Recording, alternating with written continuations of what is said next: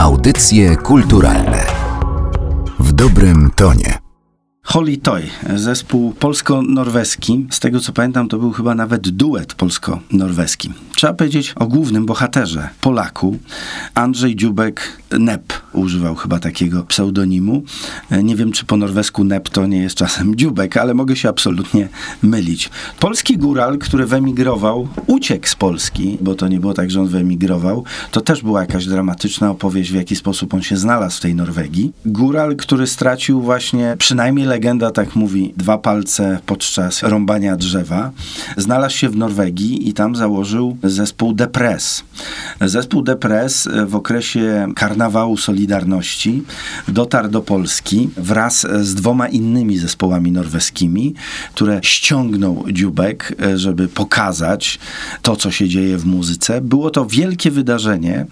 Pamiętam w Warszawie trzy zespoły wystąpiły latem, a był to chyba lipiec 1981 roku w klubie Riviera. Były tłumy, bowiem no, wówczas nie docierały do Polski zespoły ani punkowe, ani nowofalowe. Trzy lata wcześniej, w 1978 roku, w tej samej sali Riviery czterokrotnie wystąpił zespół Raincoats z Wielkiej Brytanii i to było wszystko. Czyli tak naprawdę ten potop norweski wywołał duży rezonans wśród warszawskiej nowofalowej załogi. Kilka miesięcy później zaczęła się inwazja jugosłowiańska, ale to jest inna historia. Depres e, natychmiast podbił polską publiczność, ponieważ tam były piosenki takie łączące socrealistyczne teksty. Była piosenka o kołchozie, która stała się takim wewnętrznym e, przebojem. Wszystkim się to podobało, było to melodyjne, było takie punkowe, bo był taki melodyjny punk, mimo że Andrzej Dziubek był znacznie starszy i na punkowca nie wyglądał. Ten zespół istniał, później odrodził się w Polsce w latach 90., może to była nawet końcówka lat 80., nagrał kilka płyt,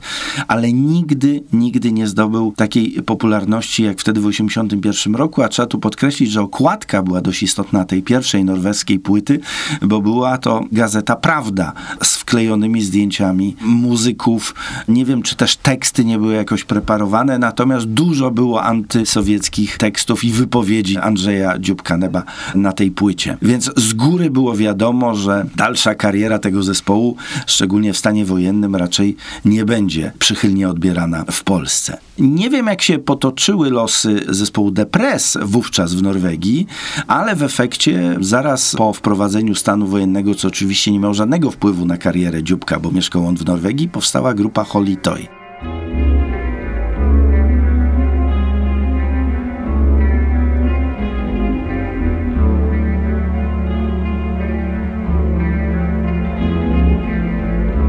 była grupa eksperymentalna, grupa naprawdę ciekawa i taka nowatorska brzmieniowo.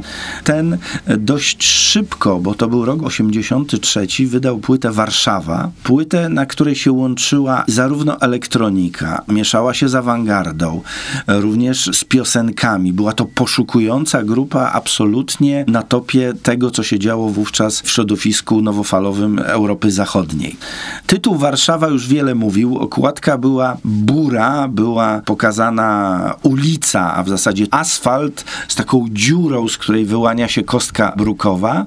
I na tej płycie przeważały oczywiście utwory w języku angielskim, ale znalazła się jedna kompozycja, dość szczególna i muszę powiedzieć, ona nie była zauważona. Do tej pory myślę, że to jest jedna z takich kompozycji, o których mało się wie. Mnie ona wówczas bardzo poraziła. Mówię o początkach lat 80. Miałem okazję organizować w klubie Lemont koncert zespołu Holy Toy, ale to był koncert związany z ich trzecią płytą. Pamiętam, na układce Świnia była. I nie za bardzo mi się ta płyta podobała, ale sam dla zespołu Holy Toy miałem wielki szacunek. O jakiej to kompozycji mówimy? Na płycie jest ona podpisana jako buntowniki, czyli jakby można powiedzieć tak trochę nie po polsku ale okaże się, że jest to stary tekst napisany w 1863 roku przez Norwida. Norwida, który zupełnie o tym nigdy nie wiedział, odegrał wielką rolę, jeżeli chodzi o polską muzykę rockową, bo go wylansował Czesław Niemen i śpiewał jego bardzo trudne teksty. No, każdy zna Bema Pamięci, Rapsod Żałobny, chociaż ja nie jestem pewien, czy każdy zna ten tekst i kiedykolwiek się wsłuchiwał w ten tekst, bo jest to trudny tekst, ale muzykę oczywiście wszyscy znamy. Andrzej Dziubek wyciągnął tekst Buntowniki, który w całości nosi tytuł Buntowniki, czyli stronnictwo wywrotu. Jak wiadomo, data powstania, czyli 1866 rok, mówi już wszystko. Jest to tekst o powstaniu styczniowym. Tekst opowiada o tych, którzy po prostu się buntują. Tam jest wiele nawiązań biblijnych. Tekst trzeba no, prześledzić, ale może zacytuję jego końcówkę, bo jest to wypowiedź urzędnika carskiego, który mówi: To buntowniki, czemuż raczej nie wierzą kancelarii, ojczyznę woląc niż rubryki, a ufać śmią w Jezusa moc i Marii, te buntowniki. Myślę, że w tych strofach zawiera się wszystko, co później nas spotkało. Te wszystkie rzeczy, które się nawet teraz rozgrywają. Ten patriotyzm, który drzemał w młodych pokoleniach, drzemie zawsze i jest y, raz potępiany, raz wynoszony na ołtarze, stał się w tej chwili taką częścią popkultury. Dlatego jeszcze raz chcę podkreślić, Andrzej Dziubek w Norwegii nagrał ten tekst w 1983 roku, czyli 120 lat po oryginale. I naprawdę ta kompozycja, jeżeli weźmiemy ten elektroniczny podkład i to, że on deklamuje, robi wrażenie i chciałbym tu zaznaczyć, nie wiem, czy Paweł Kukis i zespół IRL słyszeli tę kompozycję wcześniej, ale to jest dokładnie ten sam typ narracji, co w kompozycji AI Ulica Miasta. A ufać śmią Jezusa, mocy Marii.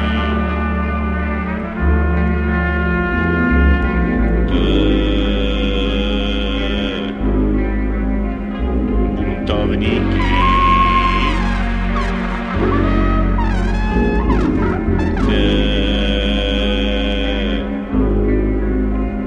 Buntowniki